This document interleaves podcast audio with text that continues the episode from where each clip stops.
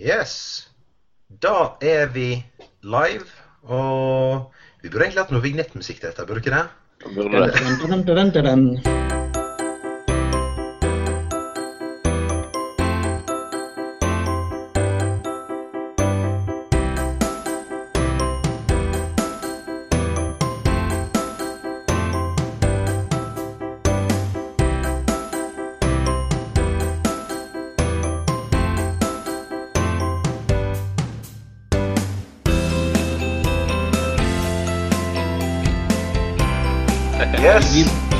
Da komme ønsker vi litt etter hvert. velkommen.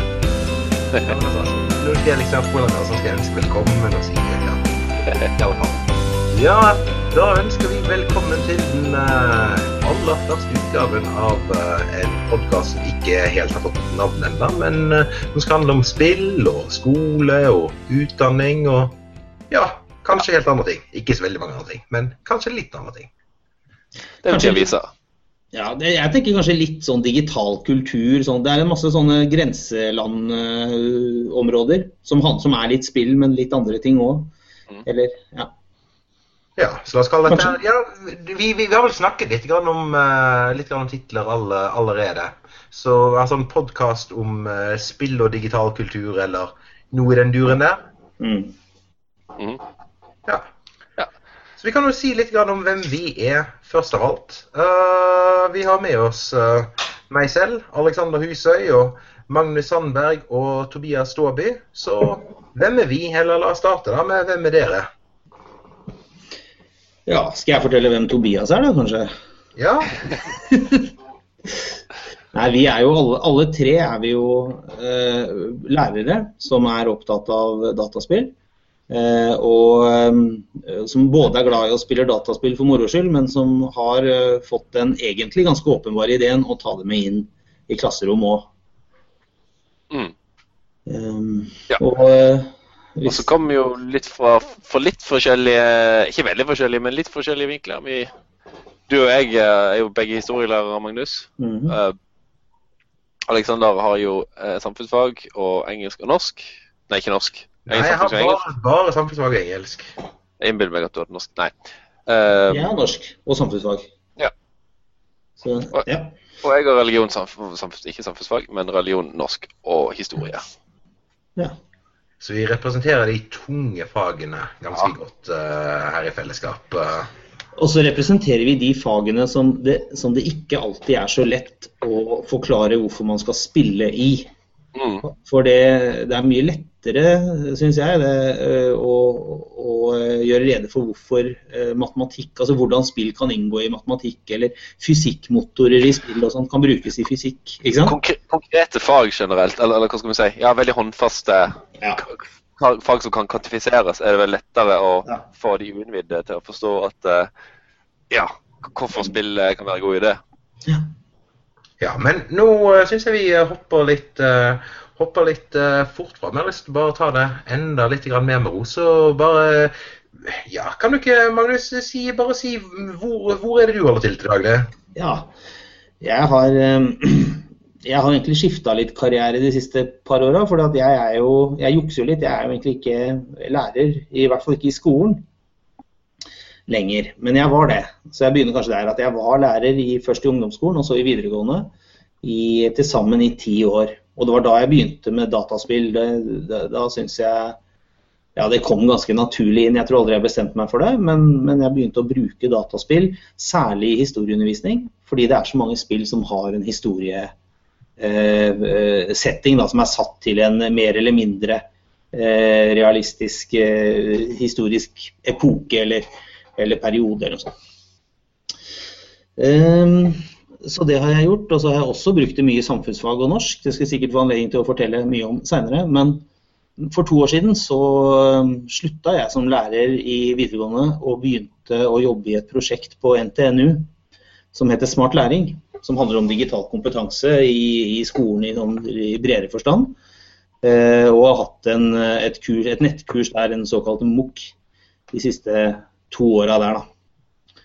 Eh, og det er også på hell nå. Nå er jeg lykkelig i pappaperm noen måneder, men når jeg kommer tilbake, så er jeg stipendiat og skal eh, begynne å forske på spill og læring. Så, så det er mange roller, mange hatter på dette lille hodet. Mm. Ja. Mens uh, Tobias og jeg, vi holder jo til i, uh, til i Bergen. Vi uh, jobber i videregående begge to på Nordre Grieg videregående skole. Og utover utover det å, det, å, det å, være lærere, så har jo jeg og Tobias kanskje fått uh, ja, en av de kuleste titlene som man kan ha i, uh, i Skole-Norge, syns vi i alle fall. Da. Vi, si. Ja, vi er spillpedagoger.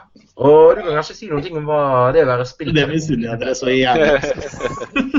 og med god grunn. Ja. Nei, en spillpedagog er jo uh, en stilling som jeg og Aleksander ble tildelt av ledelsen på skolen vår. Og en spillpedagog, eh, han eller hun, skal hjelpe både seg selv og andre å bruke spill i undervisninga. Og eh, da helst med eh, litt sånn faglig og pedagogisk og didaktisk grunn, eh, av noe slag, rett og slett. Altså, det skal ikke bare brukes lemfeldig og fordi at man syns det er kult, men selvfølgelig litt for det òg. Men um, ja, svare på de didaktiske spørsmålene om hva, hvordan og, og hvorfor bruke spill i undervisninga. På en måte som eh, da òg de uinnvidde kan forholde seg til. Altså, det er jo lett for meg som er, kjenner, er godt bevandret i spillmediet, å forholde seg til spill og læring. Men for de som eh, ikke er så vant til spill, og ikke kan så mye om det, så er det greie å, å ja, litt av jobben å finne mellom liksom, allmenngyldige tilnærminger til det. Ja, så Kort fortalt så uh, har vi blitt frikjøpt fra en uh, liten del av stillingene våre. Og det bruker vi på den ene siden til å spille spill og utforske spill. Eh, og utforske hvordan er det ulike spill og ulike typer spill kan tas inn i undervisning. Og så da i neste ledd så gjelder det å, altså, det å formidle dette her til våre kollegaer på vår skole og til alle andre lærere som mm. vi klarer å få til å bite, da, til å ja, dyppe tåen litt i vannet og mm. teste ut spill selv. Ja. Mm. Og så må vi jo nå en, en kanskje ikke uventa følge av det å være spillpedagog, men eh, noe som uansett må nevnes, er at nå har vi eh, har to deler av back, backloggen min på Steam er delt i to. Den ene er spill jeg skulle ha gjerne spilt fordi jeg har lyst, og den andre delen er spill som jeg burde spille pga. jobb. Mm. Rett og slett. ja. Og nå jobben er jo tross alt å utvikle spill, uh, ferdig undervisningsopplegg, som da som regel postes på IKT i praksis, .no, som hvem som helst kan bruke. Mm.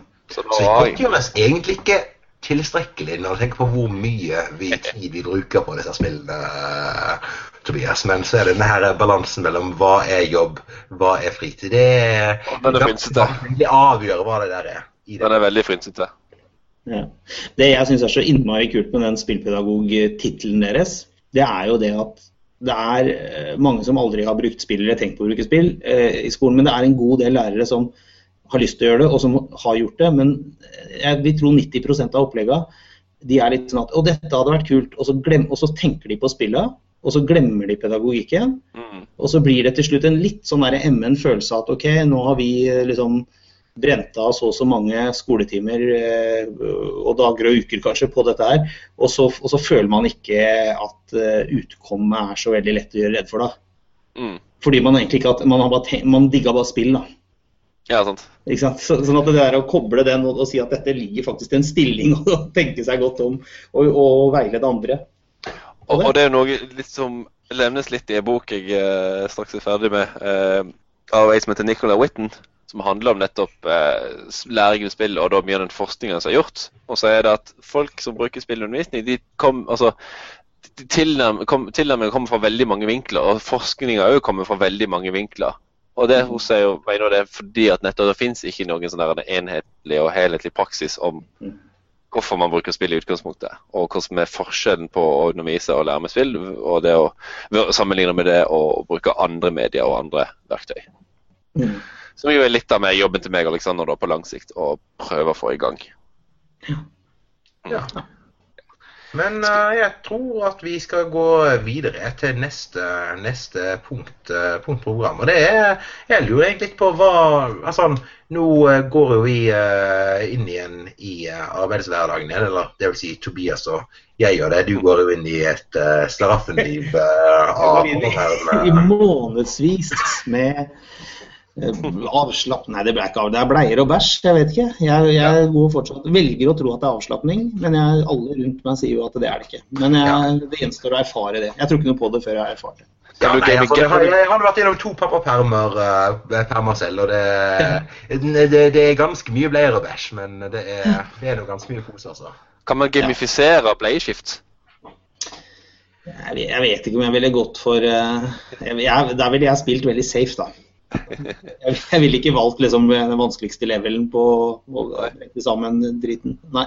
Da får man kanskje en level man blir og sånn- Og trøbbelet med å Altså, uh, Tobias er jo eh, ganske så nyforlovet, sånn at uh, her er, her er det en noen Gratulerer, pro, pro tip til samlivet.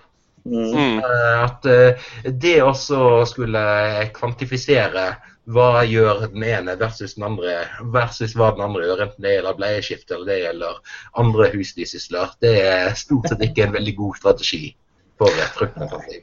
Nei, det har jeg ingen problemer med å tro. Dama mi og meg spilte, spilte der og heter det for noe Chore Wars. Da vi var ganske ny, nysam, nye som samboere. Eh, For hun er veldig glad i å spille. Og det tok en stund, det tok en uke eller to, tror jeg, i hvert fall over en uke, før hun, hun skjønte at hennes ledelse var litt sånn planlagt fra min side. Altså Chore Wars det er en konkurranse i å gjøre mest mulig husarbeid, ikke sant. Eh, Og hun vant, da. Ja. Jeg, jeg, jeg tror jeg trenger Chore Wars til å fortelle meg at min kone vinner. Nei, jeg vet det. Jeg lot henne vinne, hun, men hun var veldig stolt av at hun leda hele tiden. Helt til hun skjønte at det har jo ja. Vi trenger ikke si mer om det. Nei, det er sikkert like greit. Det, det der skal jo tross alt publiseres, så det kan jo hende at våre, våre bedre halvdeler etter hvert skal høre dette også. Mm. Du skulle til å spørre dere oss om noe, Alex. Ja, jeg skulle til å spørre dere om uh, hva har dere spilt i sommer? Jeg hadde planer om å spille mye mer enn det jeg fikk gjort, kan jeg vel si. Planen var å gjøre ferdig i hvert fall eh, Fallout 4 og DLC-en til Witcher 3. Men det ble egentlig bare Fallout og litt grann, av- litt grann Overwatch, for det må man spille. Og nå i de siste, siste dagene har jeg blitt hekta på No Man's Sky. Ja, nå har du glemt noe du Ja, vet jeg ganske mye Ja. av Tobias. Du? Har glemt noe her. Som du har spilt mer enn du har spilt i Pokémon Go, da. Ja. Ja. Det, det ser sånn ut på sosiale medier, ut fra alt du har posta. Jepp. Jeg er faktisk bare level 16, så jeg har ikke spilt det så mye. Men okay. uh, har tenkt mye på det. Ja, Har du spilt noe særlig med Pokémon Go da, Magnus? Nei, vet du hva, jeg, jeg har ikke det. Jeg har, men jeg har fått en ny vår for Ingress, som jeg spilte en del før. Ja. Og jeg, vil ikke, jeg vil ikke høres for sånn sur og, og gammel ut, men, men eh, den beste kuren mot Pokémon GO, det tror jeg er å ha spilt Ingress før. For jeg kom ikke Altså, jeg har ikke spilt veldig, jeg er vel level 5 eller noe i Pokémon, men, men jeg registrerte mest at Ingress er et mye bedre spill. Ja, eh, om jeg, vi skal kjøre debatt på det. ja, men at, eh, den debatten tar jeg ganske lett. For at jeg, altså, jeg har eh, vært en, vært en rimelig hardcore ingress-spiller, uh, du det? spiller nemlig. Det er jo, jo da. Det uh, Og, og, Eh. for å skyte inn noe, å reise på tur med Alexander da han er på ingresskjøret, det er en opplevelse. Ok. ja, nei, altså, eh, ja, det er altså, eh, Tobias har jo vært, eh, vært gjennom ganske mye mer byvandring enn det han egentlig hadde ønsket når vi har vært, når vi har vært rundt for å snakke om uh, Men dere var på tur sammen i sommer, var dere ikke det? I fjor sommer. I fjor sommer, ok. Ja. Så han har ikke sett deg spille? Nei, nei. For jeg tenker I dag har det vel vært en del vandring, eller i år, i sommer har det vel vært en del vandring på Tobias òg. Ja, jeg renker opp noen skritt. eh, Eller jeg var i USA da Pokémon GO ble sluppet. Mm. Men at mobildata er dyrt. Så det var en glede å komme hjem og spille, og kunne spille Pokémon GO uten roamingkostnader. Ja, Ja, så, så jeg tenker at neste gang vi er ute på tur sammen, uh, Tobias, så uh, tror jeg dette blir en uh, mye mer behagelig opplevelse for oss begge. Men dere har Pokémon GO. Ja. Uh, ja. Du har spilt, Magnus? Ja, vi, vi har spilt, altså, jeg begynte å angre litt egentlig på at jeg eh, foreslo det som en post på sceneskjemaet vårt. For det, jeg har spilt veldig lite. Jeg har, eh, jeg har jobba veldig intenst for å bli ferdig til, med alt jeg skulle gjøre liksom, før pappapermen trådte inn. Og da har det ikke blitt så mye spilling. Men det jeg har spilt mye hjemme i, på, på, når jeg måtte avreagere etter ganske lange arbeidsdager, det er Doom, da. Ja. Ja. Snakker vi eh, gammeldags Doom, eller snakker Nei, vi vi snakker nytt Doom. Forresten, jeg var i, i går var jeg på Teknisk museum. Jeg er på ferie i Oslo nå. Jeg var på Teknisk museum, og da, da benytta jeg jo sjansen på den derre Game On, den store Ja, ja. der. Og da benytta jeg sjansen til å spille litt gammel Doom, og det var fantastisk. Og med tastatur og sånn, ikke sant. Det er herlig. Men nei, vi snakker det nye Doom, siste Doom. Ja. Det er utrolig bra. Ja, det er, det er det. Det er kjempebra. Og det har en sånn eh, replay altså Det er, det er ikke, nesten ikke noe vits i å kalle det replay value engang. For at det, poenget er at altså, den, den gjennomgående følelsen av å spille det er sånn at du trenger egentlig ikke progresjon. Da. Du bare flyr rundt og skyter og yeah. Sleng ut en påstand og si at Doom 2016 eh, har den beste bruken av musikk jeg har opplevd i et spill på dritlenge. mm. Ja. Ja, Jeg får i hvert fall skikkelig, skikkelig adrenalinkick av måten de bruker musikk på der. Eller og handlinger i spillet generelt.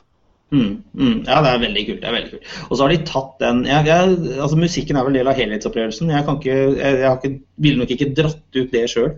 Mm. Men jeg tror du har rett, hvis jeg hadde tenkt meg om. Og, ja, det skal jeg gjøre Mm. neste gang. Men, men altså den der, hvordan de liksom bruker den temmelig banale øh, backstoryen fra, fra Doom. da.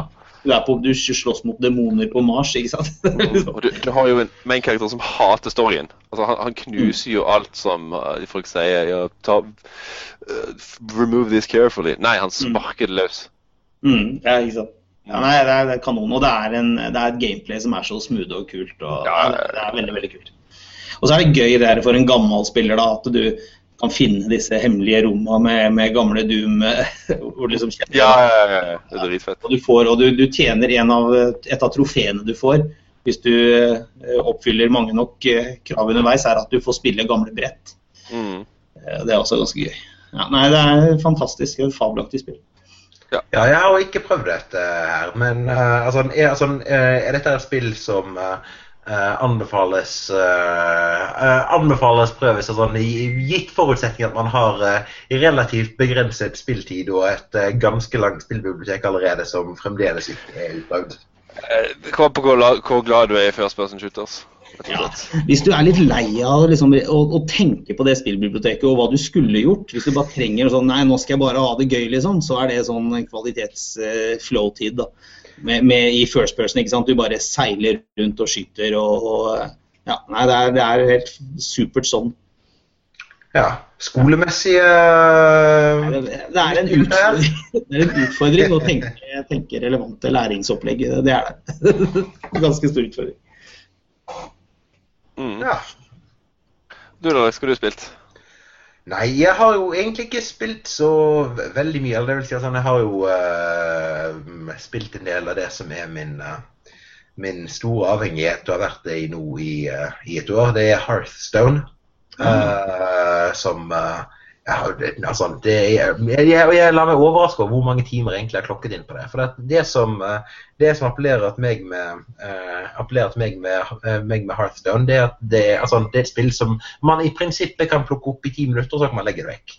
Og det har vært eh, Ja, altså eh, Nå er jeg jo i den fasen av livet som, eh, som Magnus snart skal inn i, med altså, med små, altså, altså, altså, med små barn som våkner til litt ulike tider om natten, og som eh, krever litt ulik grad av oppmerksomhet i løpet av dagen. og og den type ting. Og det å ha et spill som man kan plukke opp i ti minutter og så legge det vekk igjen, det, er, altså, det har appellert veldig til meg. Så, Mm. så blir det ofte til det spiller mye mye mer enn i ti minutter, da. Men eh, eh, altså, det er Ja, det er altså uh, altså, Uh, altså det, det, det, det blir jo på en måte en casual game som egentlig ikke er så veldig casual likevel. Mm. Mm. Ja, du kan gjøre det, gjøre det til det du, det du vil gjøre det, liksom. Ja, nettopp. Ja, Så kan vi hoppe videre til neste post. Tar jeg programlederrollen for deg, Alex, men Nei, det er du veldig velkommen til å gjøre. Jeg har allerede mista den siden hvor jeg hadde skrevet ansvarsprogrammet, så du får heller ta og fortelle oss ansvarsprogrammet.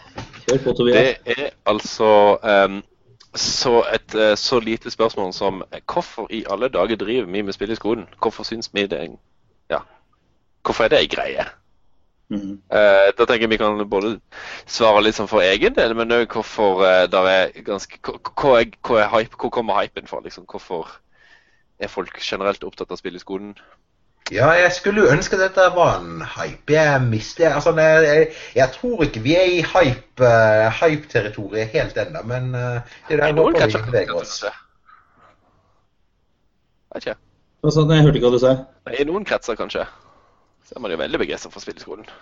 Ja, altså, jeg tror sånn På skolelederplan så, så, er det jo en uh, hyper, i hvert fall en entusiasme som ikke helt, uh, tror jeg, har, har uh, grunnlag i en forståelse for hva spill er. da. Mm -hmm. så, så det, Hvis det blir sagt mange ganger på konferanser osv., så, videre, så får man etter hvert en rektorkaste som, som, snakker pent om det. Mm. Men det er ikke dermed sagt. Altså det, det kan man vel kanskje kalle en hype. da. Det er ikke dermed sagt at det er noe pedagogisk begrunnet heller. Men er følelsen din at det er en hype i rektorklassen? For det, det, er ikke noe jeg føler i det hele tatt, nemlig. Samtidig som det er noe som er uh, som jeg sterkt, sterkt skulle ønske at var, at var mulig. For sånn det, som, det er som stort sett min erfaring når jeg med, altså, når jeg snakker med lærere som er interessert i dette, det er at sånn at ja, dette høres veldig veldig ålreit ut. Det er masse, masse, gode ideer til ting jeg har lyst til å gjøre, lyst til å gjøre og ting jeg har lyst til å prøve ut. Men hvordan skal jeg få overbevist uh, skolelederen min om at uh, dette her er noe som er verdt det? Ja, nei, Det er nok den vanlige, for all del. Det er nok den vanlige situasjonen. Men liksom, i, i, den grad man kan kalle det en hype, da, så, så tror jeg kanskje det ja. Nei, jeg tror det vanligste er nok at man ikke, får, ikke helt får, får, det til, og at det, man har problemer med å begrunne det. Folk, folk som ville hatt, hatt gode ideer. Men hvorfor? Ja, altså... Til å starte, hvorfor spille i skolen? Ja, jeg kan jo si noen ting om hvorfor jeg starta med spill i skolen. og Det er jo egentlig ganske, ganske sterkt knyttet opp mot, uh, opp mot uh, deg, Magnus. Det er sånn, jeg fikk jo, uh, jeg fikk jo egentlig skikkelig blod på tannen om at dette var noe som jeg hadde lyst til å gjøre når jeg hørte om ditt Assassin's Creed-prosjekt for ja, det er vel kanskje fem år siden nå. Ja, det er, ja, det er en fem, seks, seks, syv år siden, er det det? Nei. Det kom i 2010. Sånn. Ja, det kom, spillet kom i 2009, tror jeg, så gjorde vi prosjektet i 2010. Ja, og jeg hørte kanskje om det året etter det i en uh, serie ja. for meg. Ja. Ja. Ja, det, ja. Mm. ja, men det er veldig smigrende. Det er hyggelig. At, uh, ja, men uh, altså, altså uh, Men kan jeg kanskje si noe om hva, hva, var det, hva, var det, som fikk deg til, å gå i gang? Og kanskje ikke ja. minst sånn at uh, altså, altså, var, det, var, det, vanskelig for deg å komme i gang med tanke på både, ja, både, både rent logistiske utfordringer og eventuelt møtte du motstand i, ja. på veien? Ja. Ja. Det er kanskje riktig at jeg begynner, for jeg er en del eldre enn dere og starta nok en del tidligere av den grunn, tror jeg. Mm. Ja. Um, jo, altså um, Grunnen til at jeg satte i gang altså jeg, jeg, kan ikke helt huske når jeg begynte å sette i gang, fordi at jeg har liksom Det var en veldig naturlig tanke fra begynnelsen av å gjøre det. Så, og før jeg begynte med dataspill, som, som jo var altså Da jeg begynte å undervise i 2003, eh, så var det så, så, var det jo ingen skole, i hvert fall ikke den ungdomsskolen jeg jobba på, hadde jo ikke noen forutsetninger teknisk til å liksom dra noen spill, eller ikke sant. Det var liksom ikke noe da. Sånn at Men da jobba jeg jo med, med, brettspill og sånt, i, både med spillmekanikk og med brettspill som referanse, og det har jeg fortsatt med. Eh, F.eks. I, i historie så, så analyser, analyserte vi alltid spillbrettet til Den forsvunne diamant, når vi mm. snakker som en, som en del av uh, imperialisme Eh, tematikken, ja. f.eks. Og Diplomacy har vi spilt som brettspill lenge før jeg spilte det som eh, online, sånn som vi gjør nå. Eh, så, så, sånne referanser har jeg liksom brukt, da. Og, men så, så, begynte jeg i Kan det ha vært i 2006, kanskje? Så, jo, så, så, begynte jeg å prøve ut dette som et, et serious game som het Global Conflicts Palestine. Ja. Sammen med Magnus Hontvedt, som da var eh, som er, eh, jobber på i Høgskolen i Vestfold nå, men som da jobba i det som het ITU, som var for, forgjengeren til IKT-senteret. og vi skrev litt om det. Vi har ja, skrevet og publisert litt om det. Men jeg ble Jeg egentlig liksom Jeg syns egentlig det var et litt sånn skritt tilbake for meg for min del, fordi det er så åpenbart et læringsspill med et læringsinnhold, og det, det gjorde det litt kjedeligere for meg enn et spill som, måte, kulturelt, eh, som, er, som, er, interessant fordi, det, fordi det er et underholdningsspill. Da, at det fyller den eh, ja, altså, Det er det spill skal være, sånn sett. Ja, altså, nå synes jeg du er inne på noe som egentlig er ganske interessant. At sånn, altså, du sier sånn at altså, eh, det ble kjedeligere for deg fordi at det var et, eh, mm. altså, fordi at det var et læringsspill og designet for skolen, designet for læring osv. Mm. Uh, altså, når du brukte det med elever, at sånn, uh, altså, uh, altså var det din erfaring der også dette ble automatisk kjedeligere for elevene også når du tok det i bruk, eller, eller, var, eller, var, ikke det så farlig for dem? Uh, nei, det ble, det ble, mm, nei, altså det var et kult læringsopplegg, faktisk. Det er et godt poeng. Det var, det var mye kulere enn hva vi ellers ville gjort, og særlig fordi at vi solgte det inn sånn ja, nå skal vi teste et spill, dere. ikke sant? Bare du sier det, så er, det, så er jo det i seg selv skaper jo interesse. Mm. Men Eh, jeg har hatt litt ulike erfaringer med det. Jeg brukte det også i flere år. Og, og det var ett om Palestina, ett om Sør-Amerika og så ett om Afrika. Jeg testa alle sammen litt. Ulike mm. sammenhenger. Og noen ganger så kommer du inn i en sånn forhandling med elever om hva et spill er. Som for så vidt er en spennende ting å diskutere, men, men ut ifra en sånn protest, en sånn, en, en sånn negativ elevholdning. da. At dette er ikke et spill, dette er bare dritt. ikke sant? Så noen ganger havna vi jo der, ikke sant? mens andre ganger så har det funka veldig bra. Og, og, jevnt over så vil jeg jo si at det er et mye mer interessant, eh, en interessant aktivitet for elevene enn kanskje alternativet ville vært. Da, som ville vært å lese noen artikler eller et kapittel i boka, eller ikke sant? sånn eh, mer tradd. da. Så, men, men jeg, var, jeg, interesserte meg rett og slett mer for underholdningsspill. Mm. Mangla et bedre ord. Altså spill som ikke er lagd for læring. Ja. Eh, og eh, jobba mye mer med det eh, etter hvert i åra som fulgte. Da, da var det Assassin's Creed-opplegget var jo det som ble liksom som jeg sjøl liksom hypa litt, eller som, som fikk veldig sånn nedslagsfelt og gjorde at jeg ble invitert litt hit og dit for å fortelle om det. da. Blant annet det der hvor du, eh, hvor du, hørte meg første gang, Aleksander. Alexander. I ettertid har jeg skjønt at du var der. Eh, de gode døma hørte jeg deg på, som da var i 2011, eller kanskje sågar i 2012. Det, ja, det husker ikke jeg heller. Men jeg, jeg, jeg var der, ja. Mm. Ja, så det, det var en det, det, var liksom min sånn tilblivelse. Senere har jeg gjort mye med ulike andre spill og sånn, men men, eh, men, veldig mye med den samme sånn grunntanken om at, om at det er det å, å, tematisere og diskutere faglig og ordentlig om et spill som egentlig er lagd for eh, ikke er lagd for læring, men som kan brukes til det, det syns jeg liksom er den saftigste måten å jobbe med det på. Mm. Ja, altså at, eh, og Det der tror jeg er et punkt som vi i alle fall i det store og det hele er ganske enig i. Sånn at, mm. uh, altså, uh, altså, når jeg bruker spill, i alle fall, altså, så eh, tankegangen om hvor er det læringen kommer inn. sant? Altså, eh, altså, hvis spillet er designet for at eh, ja, dette spillet skal i seg selv være, være læringsfremmende, eller dette spillet skal i seg selv eh, gjøre eleven klokere eller smartere eller mer eh, smartere, smartere, eller, eh, smartere, eller, mer bevisst, så, altså, så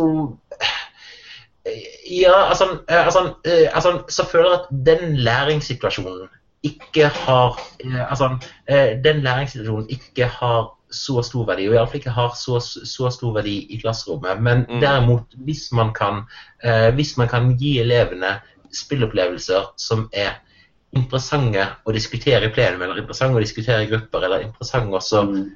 jobbe ut ifra for oss å uh, altså, uh, altså uh, jobbe ut ifra for å selv trekke parallellene til de temaene til de konseptene som, ja, som vi vil de skal få noe ut av. Uh, altså, altså, altså, uh, så ja, så uh, min gut feeling sier at det er altså, det er en mye bedre vei til, til mm. varig og dypere læring. Mm. Og den forestillinga om at spilling alene er nok, at spilling alene gir læring, er jo en forestilling som er ja, skal si, en alvorlig misforståelse. Fordi at, sånn som, jeg, sånn som jeg tenker, at hvis, I så fall må du stole på at eleven sjøl klarer å knytte, knytte linjer mellom det han har lært, han har lært i spillet, og eh, det som da tilsvarer det som det, dette tilsvarer i virkeligheten, rett og slett. Og det er en ganske stor sjanse å ta, at eleven alene klarer det. Mm. Ja, men altså, eh, altså, der er jeg faktisk ikke fullt like radikal, uh, radikal som det du er, Tobias. Altså, det, det handler med at sånn at altså, nå, uh, jeg, jeg, har som sagt en seksåring seksåring som jeg har uh, altså, som, jeg, som, jeg, som, jeg, som, jeg, har, som har introdusert for en del sånne her læringsbilder. Blant annet det vi har spilt mye av i det siste. Det er, det er Dragonbox Numbers. Mm. Uh, som, uh, altså, altså, som, er et uh, egentlig gjen, gjennomgående veldesignet, veldesignet læringsspill. Jeg tror det er designet ty for type fire til syvåringer, eller noe i den duren der. Og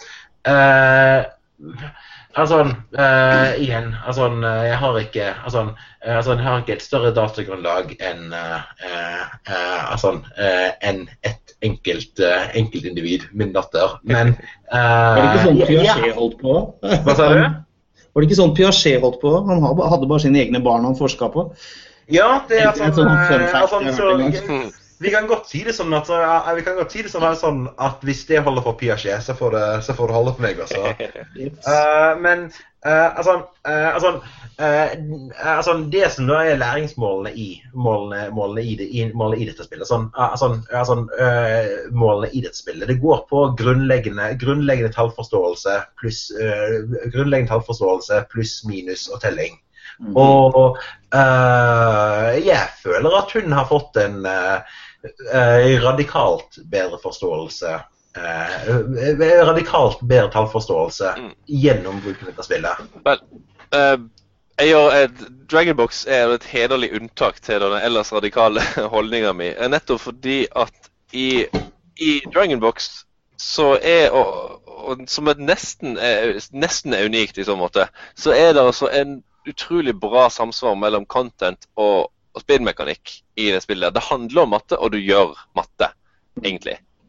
Uh, mens i veldig i mer komplekse spill, altså, som, som, handler om ting som ikke er kvantifiserbare, så blir, altså, så blir spillmekanikkene enten en metafor for et eller annet, eller så blir det fullstendig uh, disconnecta fra det du spillet faktisk handler om. Uh, tilbake til Slave Tetris, f.eks. Ja, men uh, altså, uh, altså, uten at uh, Uh, jeg skal veie mine ord forsiktig her for ikke å få internettets vrede mot meg. Men altså uh, Slave Tetris altså, uh, slave, slave, Tetris hvis det hadde vært designet med Ja, skal vi si en vesentlig, vesentlig større grad av Humor? Eh,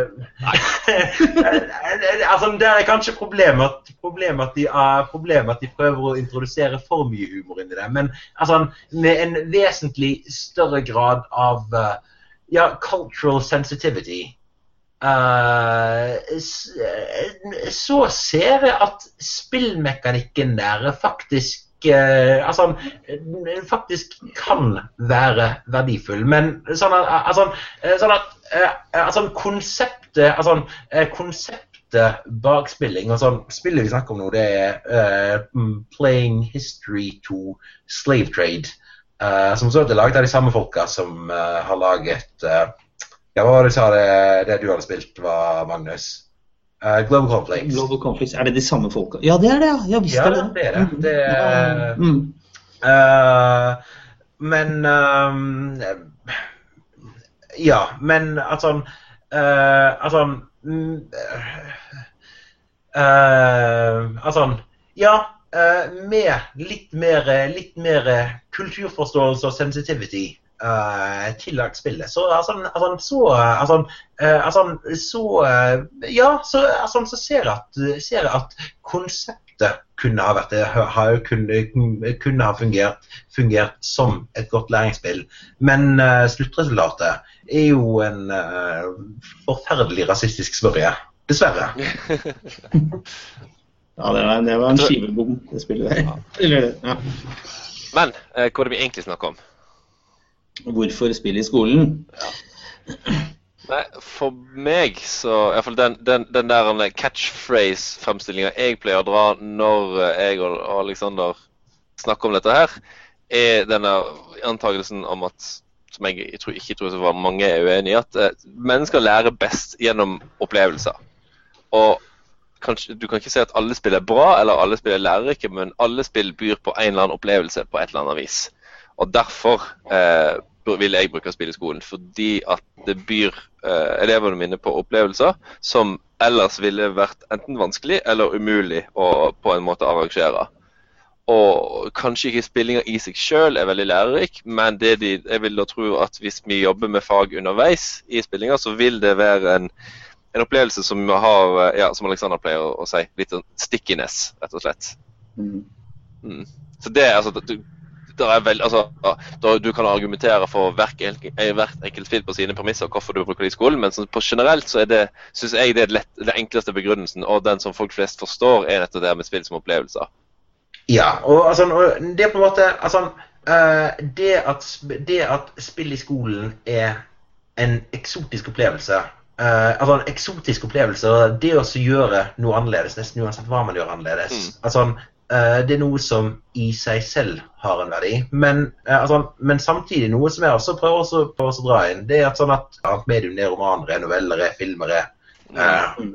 aviser osv. Uh, men samtidig altså, Eh, så med veldig mange av de spillene som vi bruker, så trenger man ikke å tilnærme seg de på en veldig ulik måte enn eh, på en veldig ulik måte enn kulturuttrykk som vi bruker, som vi bruker i undervisning allerede.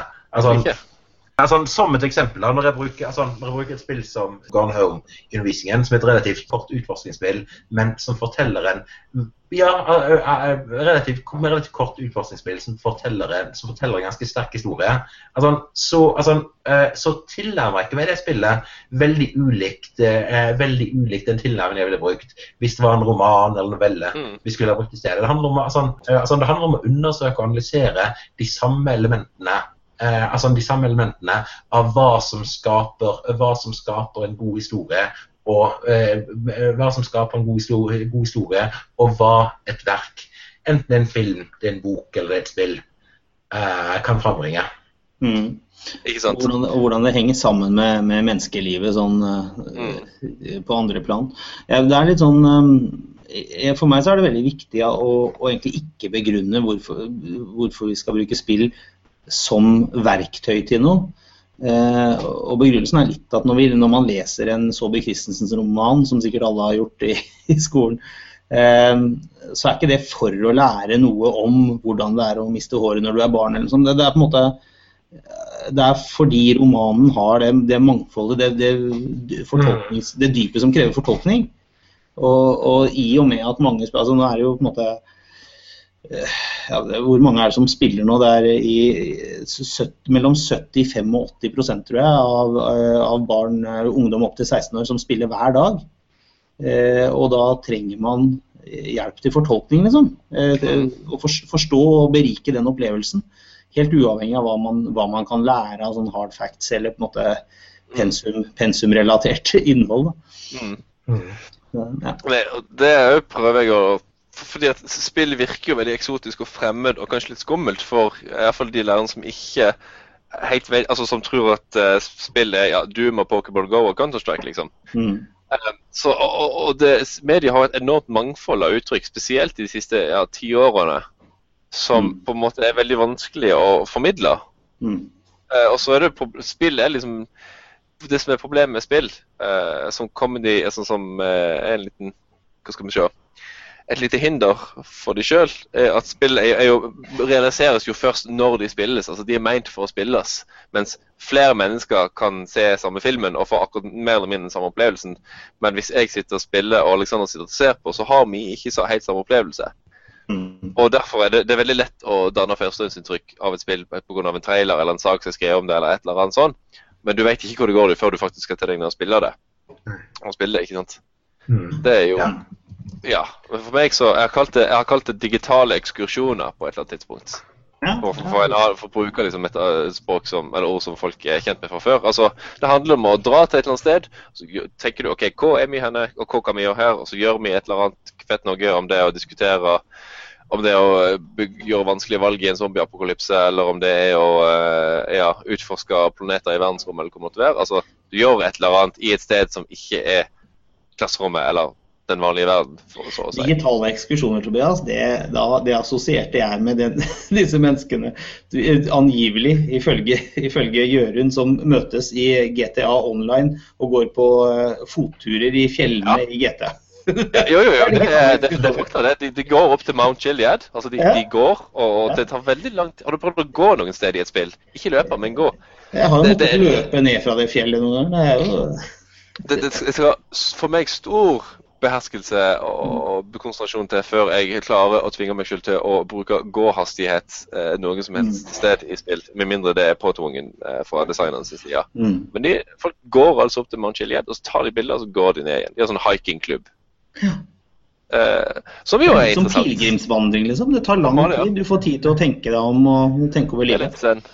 Ja, og, altså, og det å gi elever den, ty den type opplevelser, altså, det, det, altså, det er veldig verdifullt. Sånn, altså, noe av det som jeg, det som jeg ofte, ofte har sagt når jeg har snakket om eh, eh, snakket, snakket et spill som bruker samfunnsfagen, eh, som bruker samfunnsfagen eh, eh, som heter This War of Mine, som da er et eh, ja, altså, det er en, eh, Sims, et Sims-lignende spill hvor da i stedet for å skulle, skulle prøve å oppnå denne her upper middle class McMansion American lifestyle, så, altså, så er målet i bunn og grunn altså, så er målet i bunn og grunn å overleve en krigssituasjon. Altså, tenk hvor fantastisk lærerikt det hadde vært hvis vi hadde hatt muligheten til å ha med våre elever på en liten ekskursjon til Aleppo og se hvordan du det å i en by som er i kaos, hvor, eh, altså, hvor, eh, altså, hvor vannforsyningen er begrenset, hvor det kan komme stridigheter når som helst. Du kan aldri føle deg helt trygg. Altså, det hadde vært kjempelærerikt med elever til en krigssituasjon, men både logistisk og etisk og, en, og av en hel rekke andre grunner så er jo ikke dette forsvarlig. sant? Mm. Men du kan gi du, altså, du kan gi elever i alle fall uh, en smakebit på noe som illustrerer uh, er, altså, uh, altså på noe som illustrerer den situasjonen Mm. eh, gjennom spill på en mye nærere måte enn det du kan gjennom f.eks. læreboktekst. Nettopp. Og, og, og så vel- og det, er veldig, det er veldig lett å angripe spill med å si at ja, men uh, det her er jo bare fantasi, det er ikke ekte, bladi, bladi, bla. Og for, de, for den uinnvidde vil jo gjerne det vært liksom det første du tenker på. Altså, Hvorfor skal du bruke et spill som This War of Mine når det tross alt ikke er ekte? Altså, ja, Da svarer jo vi eh, at det er, heller, det er jo ikke, det er poenget at det ikke skal være helt ekte. Det høres ut som en sånn kappert eller et billig svar, men det er egentlig ikke det. Eh, fordi at poenget Du kaller jo du, virkelighetsgap, er ikke det du pleier å kalle det, Alex? Jo da, det er Eh, altså ideen om at den bevisstheten om at spill ikke er akkurat sånn som virkeligheten er. og Da, da, da skaper du et inter interessant tomrom mellom virkeligheten og den vir virkeligheten sånn som den representeres i spillet, i simulering eller modeller, hva det måtte være, som ikke stemmer overens. Og så kan du begynne å tenke aha, ok, hva er likt og hva er ulikt. Og Der er det et rom for refleksjon og innovasjon som elevene kan fylle med mye bra. tenker Jeg Jeg tenker det er der læringa, mye læringa ligger. Og det er dessuten for oss, Tobias, som historielærere, så er det jo veldig, veldig nærliggende å, å, å tenke på at altså, i, I historie så er det jo ikke faktaene som er viktige. Altså, en, når man skal forstå eller forklare en, eh, årsakene til noe, Mm. eh, så er det jo ikke bare hva som skjedde som er viktig, men det er hva som kunne skjedd. Ikke Ikke sant? sant? Man, man får ikke til en ordentlig årsaksforklaring før man ser på alternativene. Mm. Og, og det er vel til og med et læreplanmål, tror jeg, hvor kontrafaktisk historie er kanskje knytta til sånn imperialisme og sånn. Hvor kontrafaktisk historie er inne som at man skal liksom spekulere. Ikke sant? En, Jo, jeg, tenker det ligger i faget sin essens. Altså Ja, få ja. bevissthet om hvorfor ting skjedde sånn som det skjedde, og hvorfor det ikke skjedde noe annet. rett og slett. Og så Ja. spenninga i det, vissheten hva er det, En historiedidaktikkbok jeg hadde, at vissheten om at det kunne vært annerledes, at det er det som mm. forfatterne drar fram som det spennende. Og jeg jeg er helt enig. Mm. Og, og spillet er jo en konkretisering av den vissheten eller, om at ja, det kunne ha gått annerledes. Mm. Og også i, også i norskfag, liksom, når man tolker litteratur, så spør man hvorfor gjorde karen sånn og sånn i den novella som alle har lest. Uh, uh, uh, I et spill så kan man jo teste det ut. Eh, Hva, hva man gjør det andre, hva, hva, hva skjer da, liksom. Og så er jo det også noe som en for, forfatter da i, i gåseøyne, en, en story, en som lager story i spill, må, må tenke gjennom og, og lage alternativer for. Mm. Så, ja. Ja. Jeg har, lyst til å legge, jeg har lyst til å legge til et spørsmål på lista, eh, som får vi svare på nå eller, eller senere. Men det er altså hva er deres beste eh, opplevelse fra klasserommet, fra, fra felten, helt feltet, holdt på å si, er med spilleskolen. Dere kan tenke litt på det. Trenger ikke svare på det med en gang. ja, det var morsomt å tenke på. Men kan, vi ta det med en gang, da? Kan ikke ja, jeg begynne? Ja, Og så kan dere få tenke litt kjapt mens jeg svarer. Jeg tror det, det beste opplevelsen er nettopp i det eh, Assassin's Creed-opplegget mitt. Da jeg jobba på Stovner videregående skole, som er en uh, veldig fin og spennende skole med et veldig stort mangfold av uh, kulturelle bakgrunner, familiebakgrunner, Mm. hos elevene.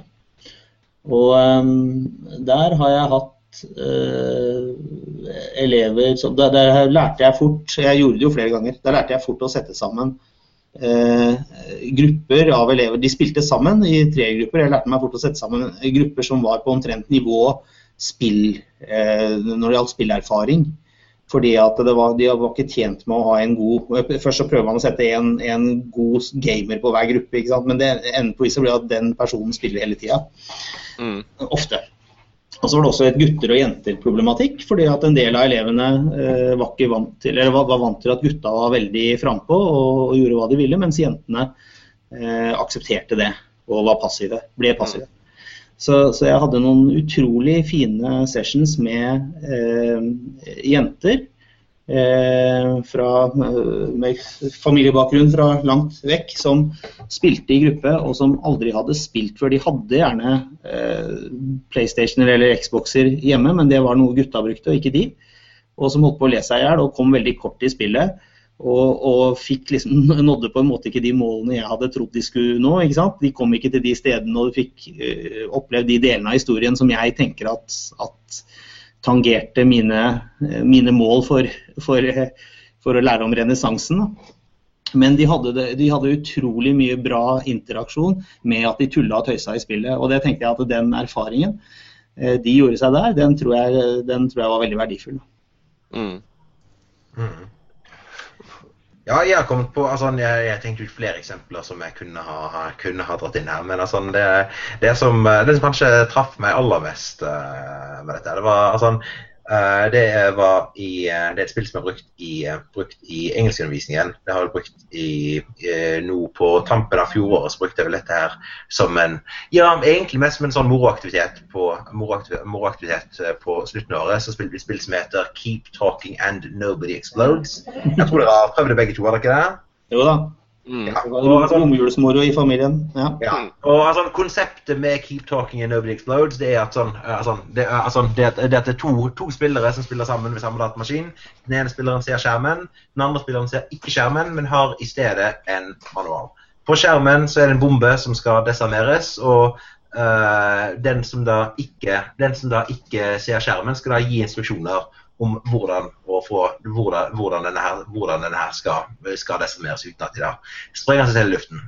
Og uh, I den ene klassen min i fjor så hadde en elev som i på et helt år Jeg tror ikke hun hadde sagt I alle fall ikke en fullstendig setning på engelsk i løpet av hele året. Uh, når de hadde spilt i ja, knappe, knappe fem minutter, så, så var denne jenten så engasjert i denne her bomben, og så engasjert i å sørge for at klarte det seg med denne bomben, at jeg glemte, glemte helt bort det at nå snakket hun engelsk, og det gjør hun jo ikke høyt eh, sammen med klassekameratene sine. Og hadde da en 20 minutter session hvor hun ropte og skreik og snakka og prata masse i eh, Altså han eh, prata masse i gode 20 minutter. Og bare, altså, bare det å se en elev som eh, eh, Se en elev som har hatt så store sperrer for å snakke engelsk, da spesielt å snakke engelsk i offentlighet foran, foran klassen, endelig bryte den barrieren. Det var altså, det, altså, det, det, det var bare vakkert. Mm. Ja. Skal se, jeg har så, kom på så mange ting, jeg òg. Men jeg tror jeg må gå til den eh, den ene opplevelsen som Hvis ikke det hadde, den hadde skjedd, så kan det godt være at jeg aldri begynte å gjøre dette her i det hele tatt. Altså, det var på tampen av mitt første år som lærer. fikk ingen idé om å ta med da The Walking Dead inn i klasserommet. Mm. Og det var, eh, Undervisningen var egentlig ferdig, pensum var gjennomgått, elevene var litt sånn spente på eksamen, hadde nettopp vært gjennom skriftlig eksamen, var litt sånn trøtt og lei. Så tok jeg med meg eh, en, har, med, har, med, meg PC-en min i sekken min. Så er det en elev som får øye på, eh, på Alienware-logoen på sekken, og så skjønner han, hva, skjønner som skal skje. Så sier jeg i dag kan vi gjøre noe litt fett noe. Så rigger jeg opp Walking Dead, har med meg Xbox-kontroll, kobler til smartboarden, skrur av lyset i klasserommet, og så sier jeg til dem OK, Uh, nå skal dere spille Walking Dead. Dere skal spille det sammen. Dere skal, når det kommer et dilemma, så skal dere trykke på pause og diskutere hva dere skal gjøre. Hvorfor dere skal gjøre det. Trekke inn pensum fra filosofi, eh, fra etikk tidligere i år. Og ja, kos dere. Dette var en ganske un, nokså unik klasse i den, at, den forstand at eh, ingen var redde for å snakke, heve, snakke høyt, liksom. Eh, og alle var dus og hadde egentlig veldig godt sammen. Så det var et veldig sånn behagelig miljø i klassen sånn sett, så det var ingen som var redd for å snakke. Men uansett, de begynte å spille, og diskusjonen gikk mer eller mindre helt av seg sjøl. Mm. Og de, og de hadde ordstyrer, og de eh, begynte spontant å holde avstemninger. og altså det gikk, det gikk Jeg trengte nesten ikke gjøre noen ting for å moderere diskusjonen. eller sånne ting. Og da tenkte jeg ok, her er jeg inne på noe. Dette kan bli bra. Og lagde da et helhetlig opplegg eh, til år neste år, og det var egentlig sånn det begynte. eh, hele Det som har blitt mitt store partytriks Mm. med spilleskolen, det er Walking Dead. Så ja, det var egentlig da jeg skjønte at, skjønte at dette, er, dette er det faktisk noe i. Dette kan, dette kan bli bra. Men det er et veldig kult opplegg, Tobias. Det er også et opplegg som er litt tro mot det, det der med at, at man eh, bruker spillet for det det er, ikke, ikke Mm. later som det er noe annet. Men, men så, så ser du faktisk en, en, eh, en verdi i eh, Altså en, en, bro mellom det formelle læringsmålene og, og hva dette spillet tilbyr av dilemmaer. Det er dritkult. Og så, og så er det, altså det er på mange måter for meg det Det føles ikke som å skryte, for at jeg føler nesten at jeg opp, mer at jeg oppdaga dette opplegget enn at jeg fant det på. Ja. Men, men det, er, det lagde seg sjøl omtrent. Mm. Eh, for det var så åpenbart. Ja, selvfølgelig skal jeg bruke det på den måten der. Og det er når jeg snakker med folk i, folk i ettertid som både, gjerne både er lærere og har spilt Walking Dead, så sier de å ja, selvfølgelig kan du bruke det på den måten der. Det er Mm. åpenbart. Så det er et veldig naturlig forhold mellom pensum, altså å bruke etiske teorier til å argumentere for hvorfor man gjør sånn som man gjør, og det å løse disse dilemmaene i spillet. Mm.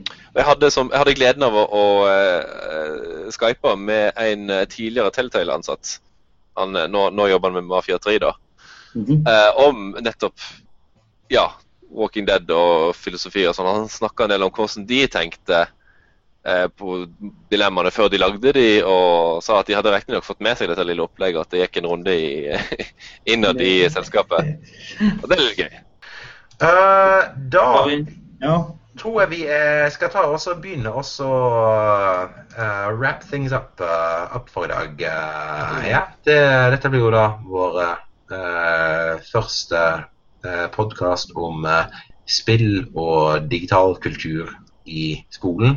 Eh, før, før vi avslutter, så tenkte jeg bare om vi kunne få høre litt fra dere. Hva, hva, eh, altså, hva slags planer er dere har for det skoleåret, eller ja, for det skoleåret som jo kommer? Ja.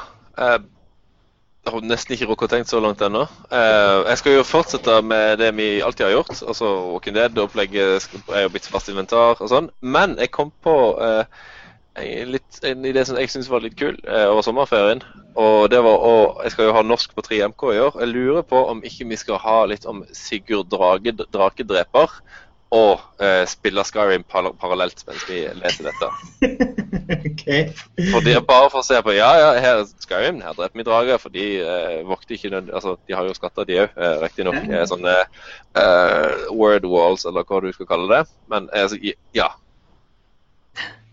Trekker litt paralleller der, rett og slett.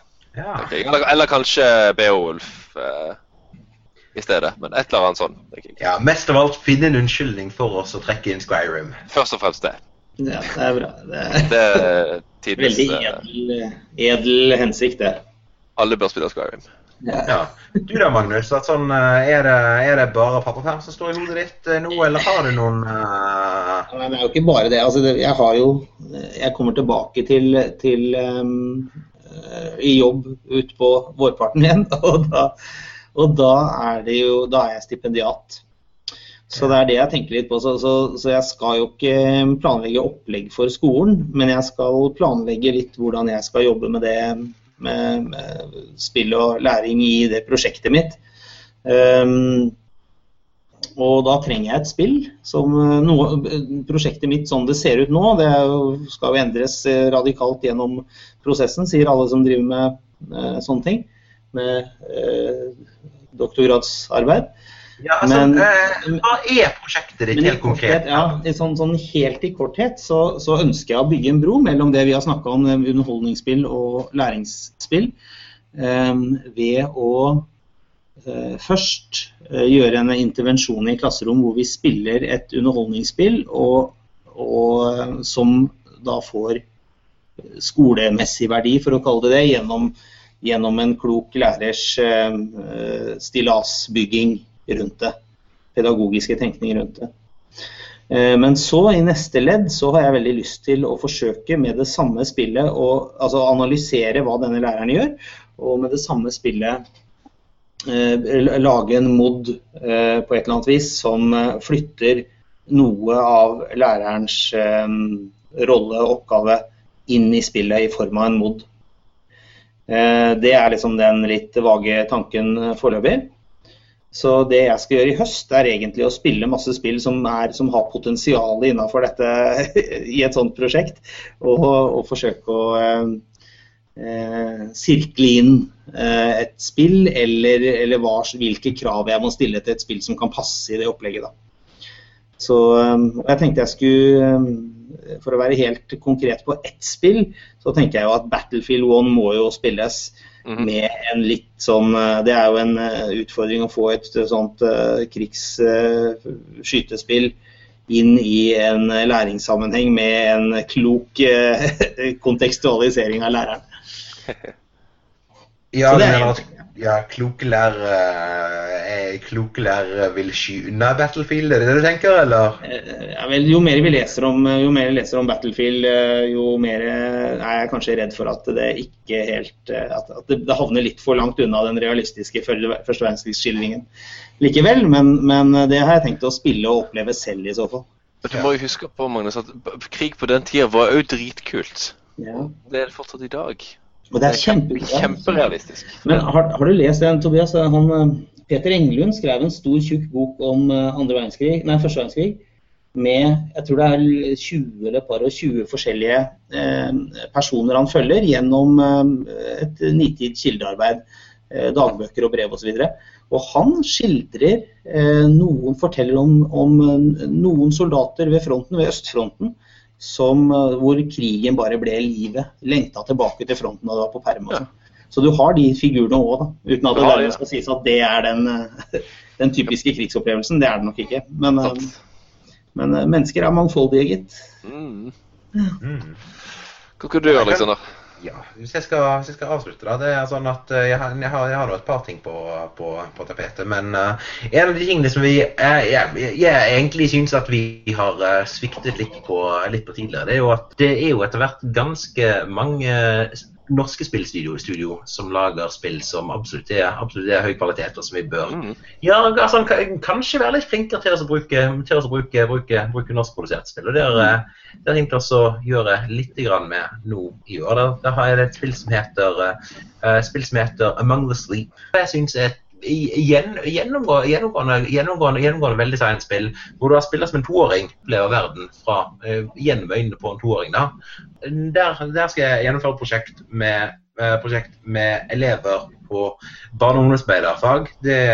I år så blir det faktisk en ren jenteklasse hos oss, så det blir også litt det blir, det det også, det blir, også, det blir også, litt interessant. Men eh, eh det det spillet gjør veldig bra, det at det skildrer eh, altså, det at det skildrer hvordan det skildrer hvordan omsorgssvikt fra foreldre eh, kan oppleves av barnet. Eh, og eh, det gir en veldig nær og empatisk tilnærming til den problematikken. Og det er altså, og, ja, altså, eh, altså, og, altså, altså, For de som skal bli barne- og ungdomsarbeidere, det, også, altså, det å gi dem den opplevelsen av hvordan er det å være toåring og ikke få den oppmerksomheten som, som, man trenger. Det tror jeg kan være en veldig, være, være en veldig, veldig verdifull læringsopplevelse. Mm. Mm. Ja. Cool. Det høres uh, spennende ut. Det er et veldig godt spill. Jeg liker det.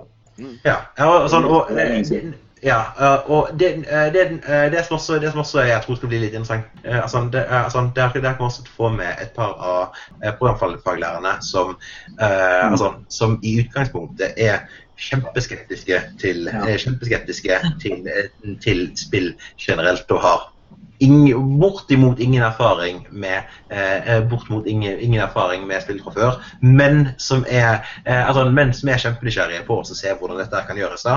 Så der er jeg også veldig spent på hvordan, altså, hvordan, hvordan, hvordan dette opplegget vil hvordan dette opplegget vil oppleves av de. Om ja, kanskje klarer å få noen nye konvertitter til, til spill i skolen.